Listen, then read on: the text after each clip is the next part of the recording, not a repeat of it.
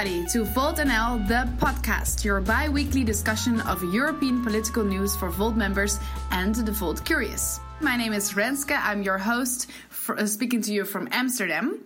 Uh, I am joined as well, as always, by uh, our, my fellow Volt members. Um, first of all, our European Parliament correspondent, Nico.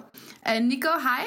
Hey there. I'm also here joined by our uh, happy Volt member from Nijmegen, Sophie. Hi there. hey, Renske. Hey, so um, as you hear, this is our second episode that we are doing in English, um, and it is as part of the lead up to the European Parliament elections. Uh, so, our plan is to devote three entire episodes to the pillars of the Volt Netherlands platform. Last week was the first uh, episode in English about the Volt pillar, um, and that was making the EU more humane and sustainable. So, if you missed that one, make sure to listen to that as well. And this week we'll be continuing with making the EU a world power.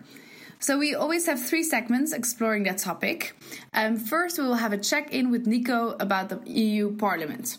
Um, after that, Renske will be interviewing, that's me, I will be interviewing um, Nilofer. She is the first woman on the list and the number two of the candidate list of um, Volt NL. She, she will be able to be elected um, on uh, May 23rd. And I will be interviewing her just about this topic. And then finally, we will talk about what the EU makes a world power in a, a roundtable discussion where um, our correspondent Sophie will have selected some articles from the news and we will link them to this topic. So, without any further ado, Nico, what is the news about the Parliament? What do you want to discuss with us this week? Yes, this week we're changing a little bit because normally we like to talk about something that's uh, maybe going to pass, some new laws, um, changes in the structure of the parliament.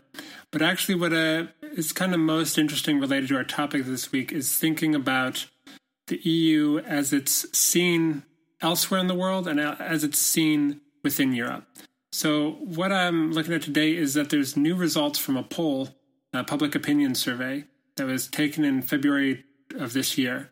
And uh, the results are kind of surprising. I don't know about you guys, but I've been feeling a little worried for the EU the last couple months. Have you guys had a similar feeling?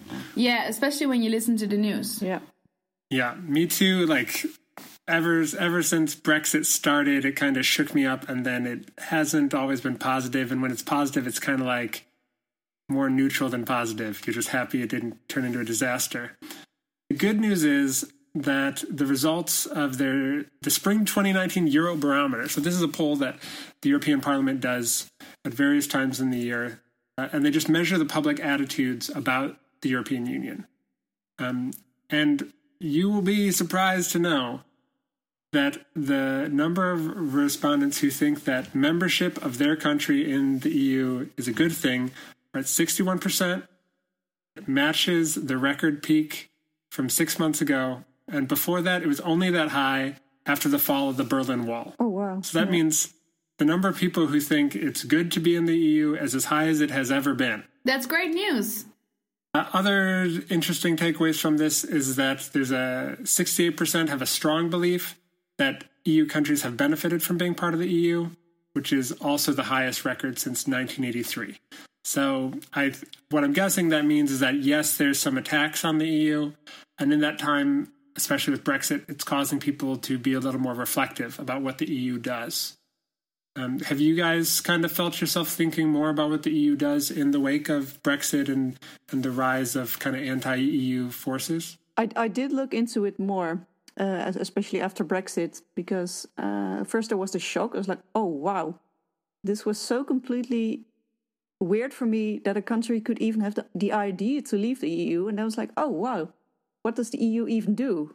I need to look into that because for me it was such a no brainer as a young person born in 1989 after the or fall of the Berlin Wall. So I was so used to, to the EU as a unity or union that for me it was uh, in, unimaginable to be uh, to see cracks in the EU.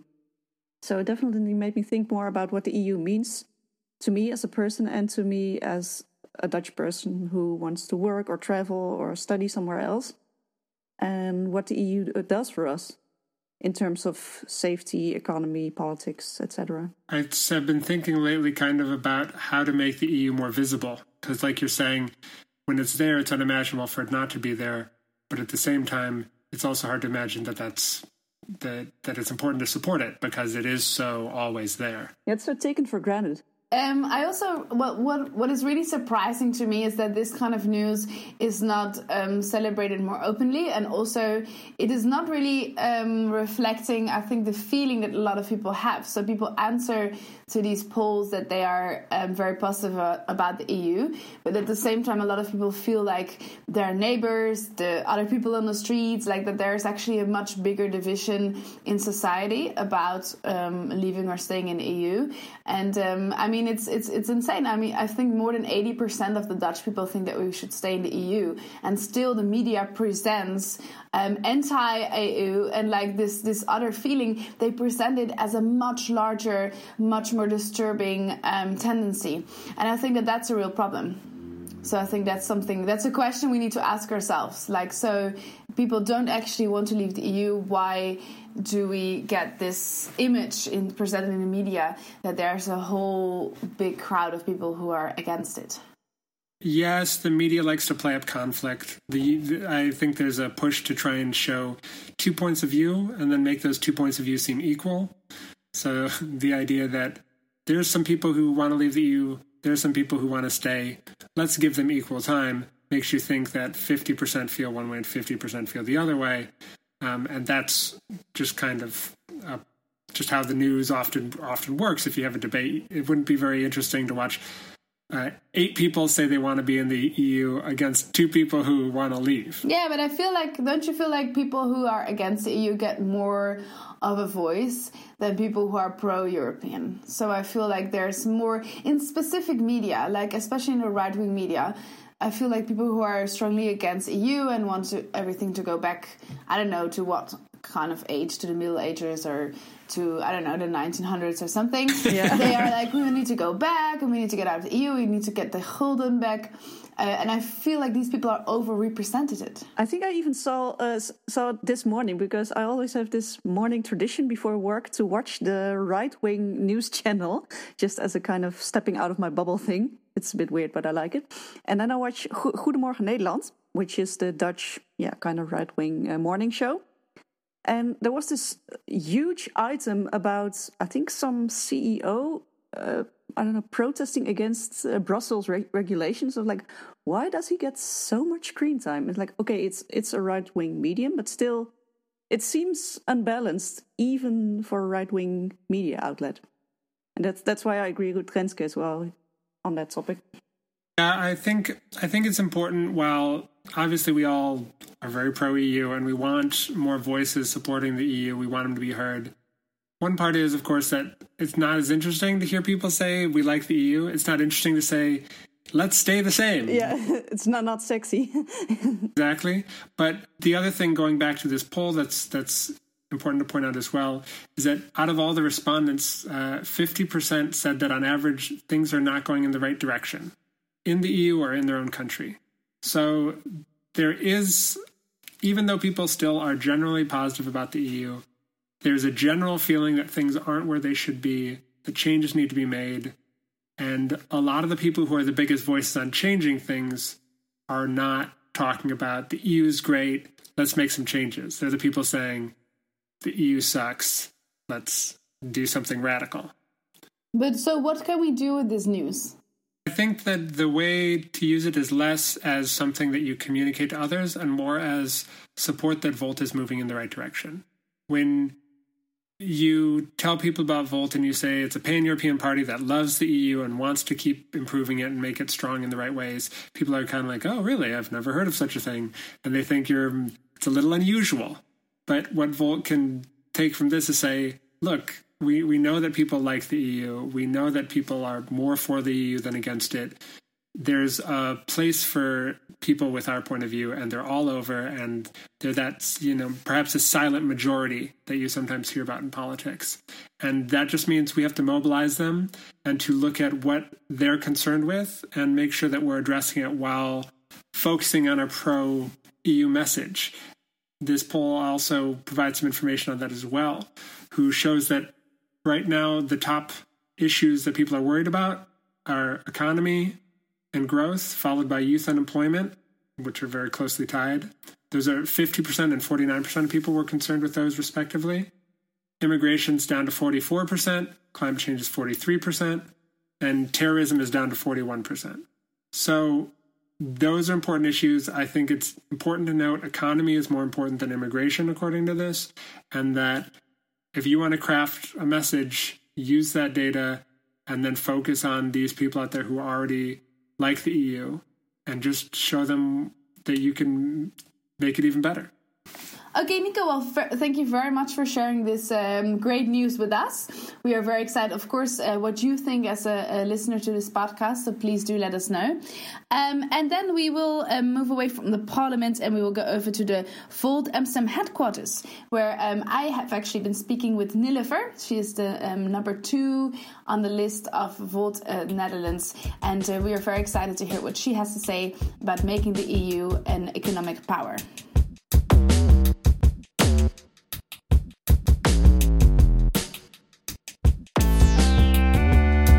Okay, welcome back for the interview. I am now um, at Nilofer's uh, home. Nilofer is the number two on our candidate list, the first woman on our list. Um, Nilofer, thank you very much that you invited me into your house. Well, thank you for being here. Yes, it's uh, it's really wonderful. I know that you came home really late last night because yes. you were debating somewhere in Marum in Friesland, and it was my first um, agriculture debate, and it was quite a tough one. Yes. Okay, so um, are you debating every night of the week or do you get some rest? Well, this week I'm debating every night, and every night I came home about somewhere between one and two at night, so that's late, yeah. So you must be tired. Where do you get your energy from? Um, I get it from Volt. I get it from politics. I love it even more than I thought I would do. So that's, by the way, my clock saying that it is half past 10. so as you hear, we have a, a, little bit of a late morning, but that is nice. Yeah. Um, so, Nilofer, thank you very much for agreeing to this interview. As you uh, know, at Volt, we are doing three um, uh, final episodes of our podcast, and we are discussing the main themes of um, the Volt uh, pillars of the platform. And so, this week we're talking about making the EU a world power, um, which means, of course, uniting the EU and working more together. And I remember asking uh, the candidates who wanted to do which theme, and you immediately jumped up to the opportunity to talk about making the EU a world power. Why do you like this theme so much? Because I really do believe that the um, the economic growth has been uh, not divided enough amongst people. It is now especially a corporate growth, and I think it's one of the main reasons that that populism has arisen. Uh, not according to my own research, but definitely according to research uh, that I've been reading about, because I really wanted to understand what the sentiment comes from. So the only way to tackle this problem, and it's not going to be uh, tackled uh, in one day, there's no quick solution for it, is to stay economically powerful, but to divide the, the uh, economic uh, wealth better among people so more people can benefit from it. Well, I know that making the EU more um, together, more united, um, for me, it sounds like a very smart thing to do, and there are a lot of logical arguments um, that of course, as the Netherlands, we will also benefit from a strong and um, EU as a world power. However, there is a sentiment that uh, we will lose something of our nationality and it's an, an, an identity, um, losing of identity. So I wonder, how do you think we can use rational arguments like this and you know economic uh, benefits to also um, talk about people who have sentiments or feelings that bring the EU more together is not a good idea. Do you find that difficult to do? So when they're in Brussels, the political parties are quite pro-European, yeah. but you don't hear and see them. So you don't hear, so you don't know what's really going on and what they're working on. But The Hague has something to benefit from being Eurosceptical. Mm-hmm. So, this bipolar disorder that a lot of political parties seem to be having. yeah, it's true. Yeah, yeah, I can't call it anything else. It's a bipolar disorder. It's, it's like true. Dr. Jekyll and Mr. Hyde. so, in, in The Hague, it's the Eurosceptical voice, and in Brussels, it's the pro European voice because there they know that the Netherlands alone is just a small country on the world scale. Yeah. But when it comes to being unified, then we are one big, powerful continent. Mm-hmm. And that's something that, you know, and it's for a lot of people, you have to be a political junkie to know this. Yeah, but it's so interesting to see that if you talk about concrete examples like agriculture or economic benefits, everybody's pro Europe. If you talk with the people, uh, most people see that there's a, a great benefit to Europe. And then somehow there needs to be this play acted out. There's this charade in The Hague to be Eurosceptical, and it is somehow they think that this will maybe benefit them for getting more, um, um, getting better elections and I, don't understand if it's just a facade in in the Hague, the Hague. Um, why do you think that th there's no courage to just openly, you know, declare to be uh, pro Europe? Like, why are they all in the closet in the Hague? I think it really has to do with the short term uh, gain they're getting from it.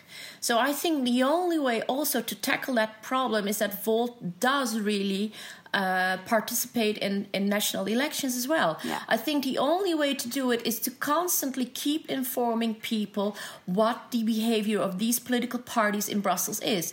Most people don't know what Europe has been doing for them. So the other day I gave the example to students in Utrecht, where I was also at a debate, that roaming will cost Brits more when they leave Europe Oh yeah, of course. yeah, then mm-hmm. what their net contribution to Europe has costed. So two weeks of holiday in Spain, and then using your WhatsApp and and checking out your Instagram will cost them more than just being a full, full year member of Europe.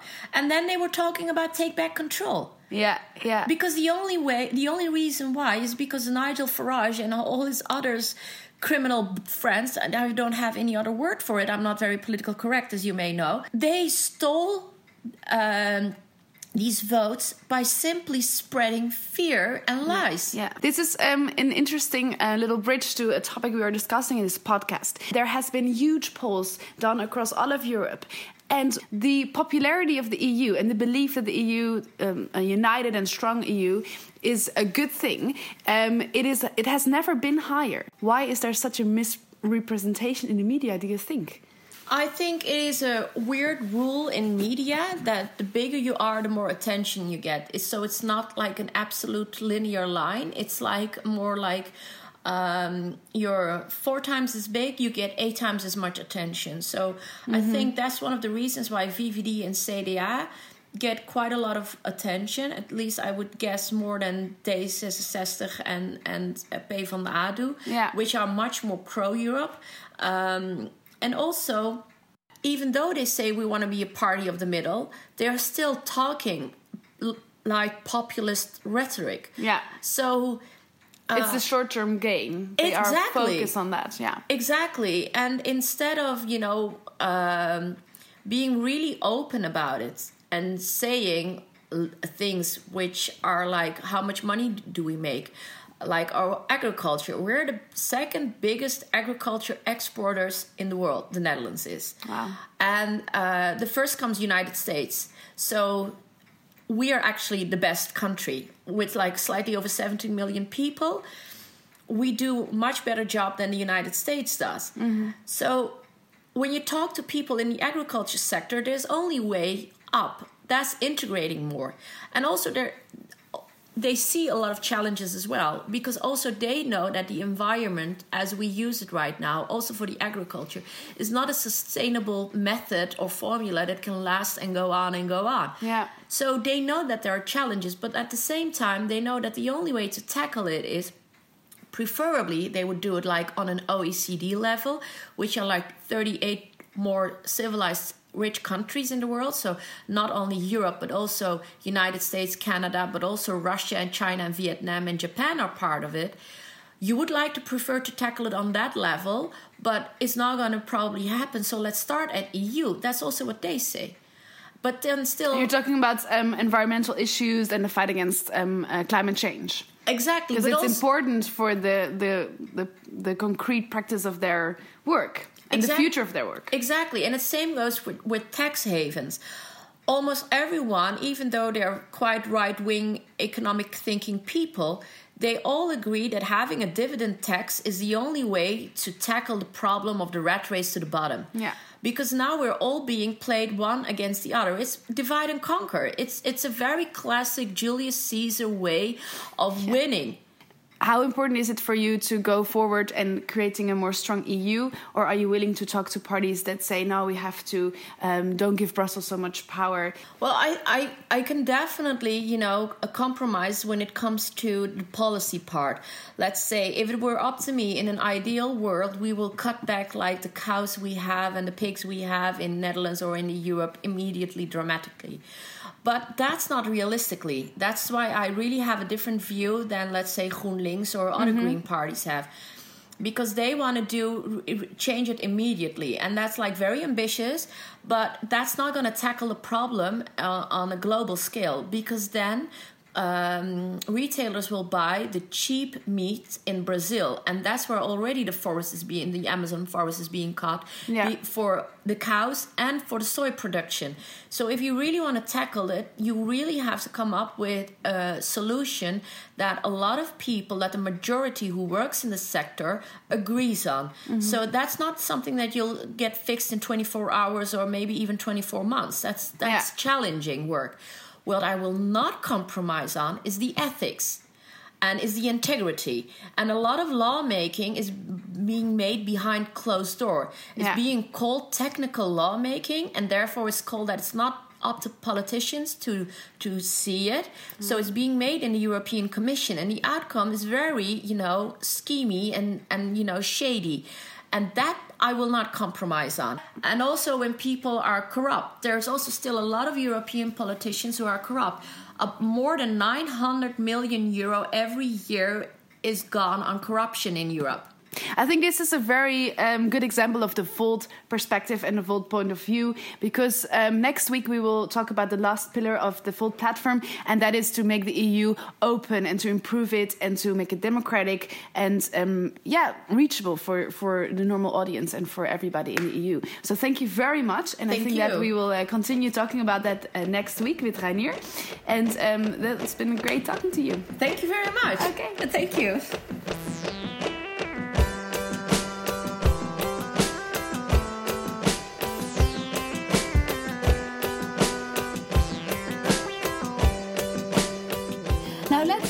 To our final segment, discussing um, the history actually of neoliberalism in the EU.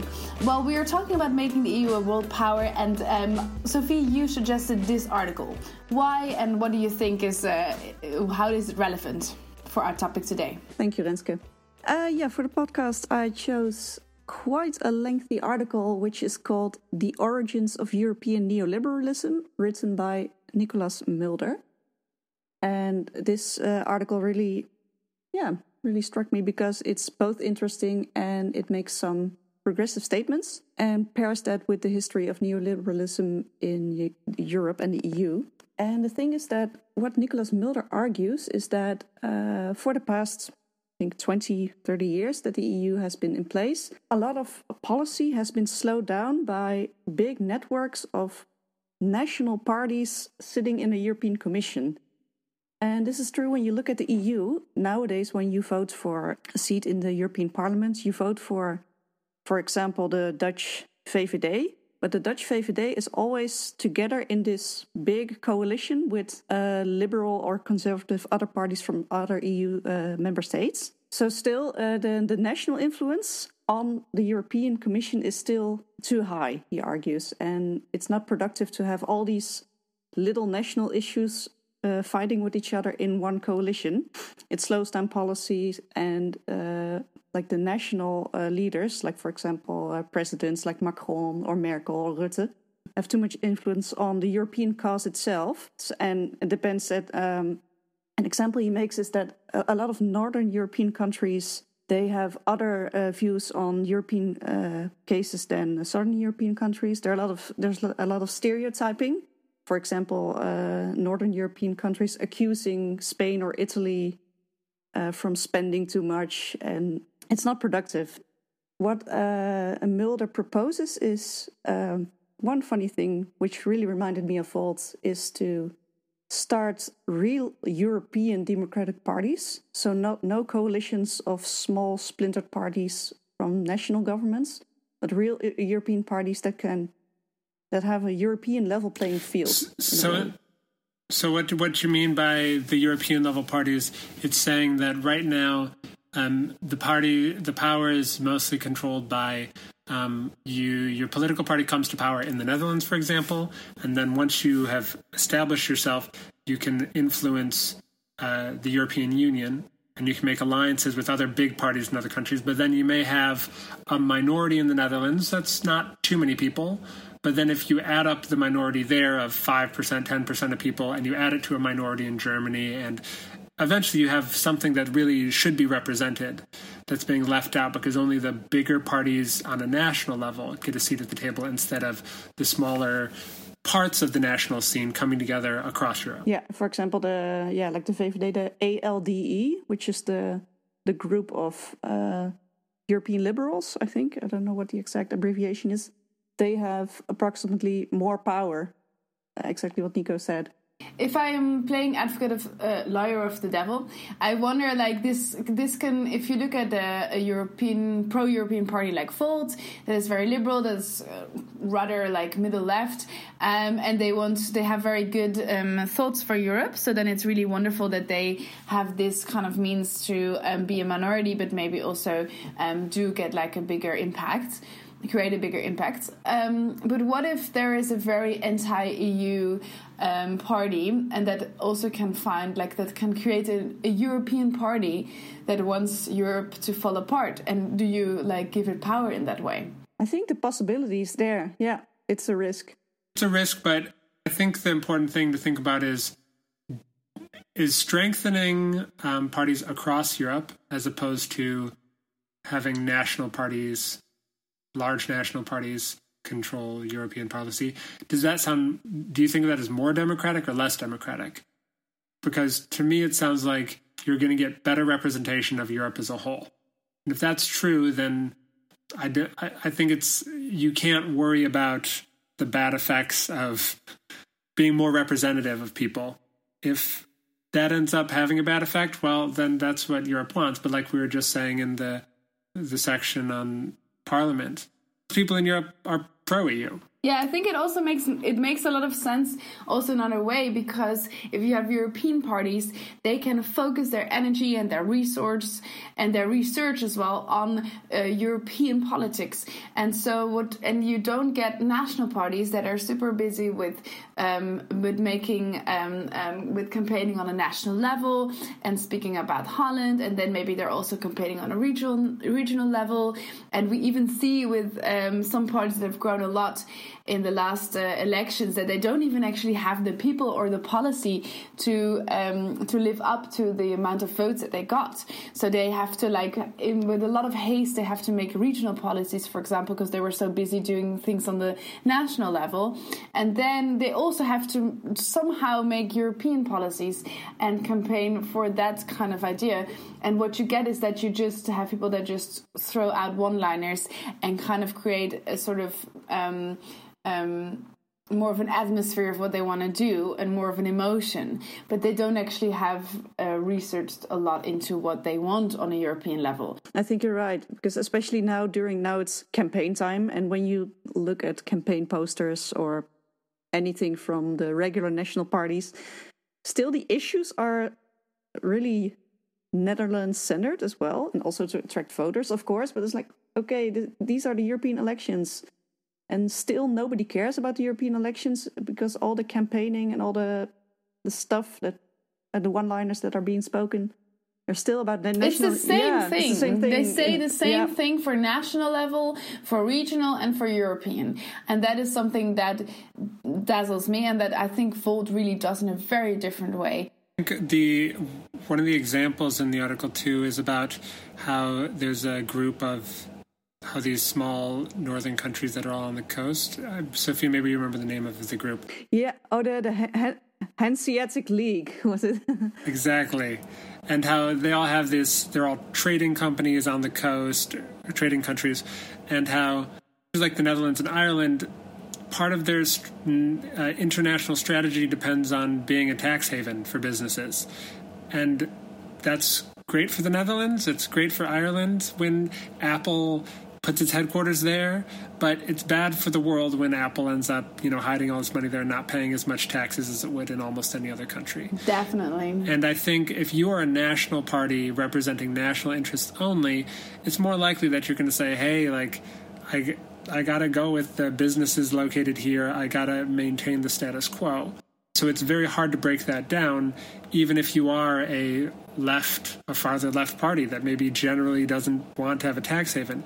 However, if you're part of the 10% that doesn't feel the need to always go um, on the national level, that you're just in European Parliament and you're supported beyond the borders of your own country, then you can kind of think a little bit bigger picture and maybe do something that short term I guess, hurt your country a little bit in the sense of helping Europe as a whole, which in the end helps everybody. But we, it's, you know, the whole point of socialism. so we all contribute a little. Interesting point that the author makes is that uh, people tend to forget uh, the the progress that we gained with European uh, collaboration after the Second World War. Now, uh, yeah, 70 years later, people tend to forget how good that was, how beneficial that was for uh, rebuilding, redeveloping Europe after a devastating war, and now we're still like, yeah, we kind of forget how how how much we need that and how how valuable it is. Yeah, to go back to the idea of the European Union being kind of invisible, I think of a I think there's a speech I heard on YouTube about water, and if you're a fish, how you don't know what water is because it's everywhere all the time it's only when you leave water that you can figure out what water is. I once had the, the fish out of the water thing when um, I was with my parents in the car and we crossed, I think, the Croatian Serbian border. And I think that was my first time ever outside the EU. And it's like, oh, I'm out of the water. I have to show my passport. People are checking the trunk of my mom's car. Like, wow, I'm out of the water. Yeah, that's, that's definitely it. So, um, coming back to Volt, um, the one of the main pillars of Volt, uh, creating a strong, um, a strong uh, EU that is a world power. We heard that actually a lot of people are pro EU. That the latest polls show that we haven't been this enthusiastic about the EU since the fall of the Berlin Wall. We also um, hear about um, European parties and um, so bodies that can actually be focused more and more on um, what's important for Europe, and then you know on the long term that will be what's important for your country as well. So combining this and um, also the Volt policy, what do you think we need to do? And I think uh, educating people is important, and also uh, focusing on uh, like our generation. I think we're all millennials. People are now in their twenties and thirties I think they have a different view uh, on Europe uh, than their parents and their grandparents. And I, I, see a lot of promise in that generation, like our generation. And also, I think we need to be educated more on uh, that water around us, that metaphorical water, like why it's there. And also in schools, I think, I don't know how it is in other countries, but at least for me in the Netherlands, I wasn't really educated well on uh, European policy or European politics. Mostly when you get history in school, it's focused on Dutch politics, uh, Dutch history. You get a bit uh, about the Second World War and what happens afterwards, but not about the quite unsexy topic of countries collaborating with each other and why that works. So I think uh, educating and uh, promoting a kind of progressive left to our new generation would be an idea. Yeah. I'm going to bring up the poll one more time to say that uh, 35% of the people polled uh, said they would certainly vote. 32% are still undecided about voting in the European Parliament elections. Only a third of people even knew that, that it was going to take place in May. Um, so there's a lot of people who don't even know about these upcoming elections. They don't know how they feel about it. And while that's a bummer, it's obviously very important. Um, it also is a huge opportunity because it means that people haven't made up their minds. Uh, in so many things we get stuck in thinking one way and this is a chance if you are passionate about something if you're angry or you're excited if you are Greta Thunberg and you want to save the earth, like there is a whole lot of people who are still thinking about what they're going to vote for. And you can come in and have a campaign. You can join Volt and you can recruit people and get everyone excited and have that change you want. And this is a great time to get young people, not so young people, to realize that they have a voice in this whole other area that they're not taking advantage of and feel that they get a little bit more of that control that they want. Nico, thank you so much. I think I'm going to end the discussion here. Uh, we had some wonderful last remarks for our listeners. So please, if you listen to this podcast and you have any comments or any questions, let us know. We are very excited to hear uh, your thoughts on this. You can just send us a, an email to podcast at volteuropa.org.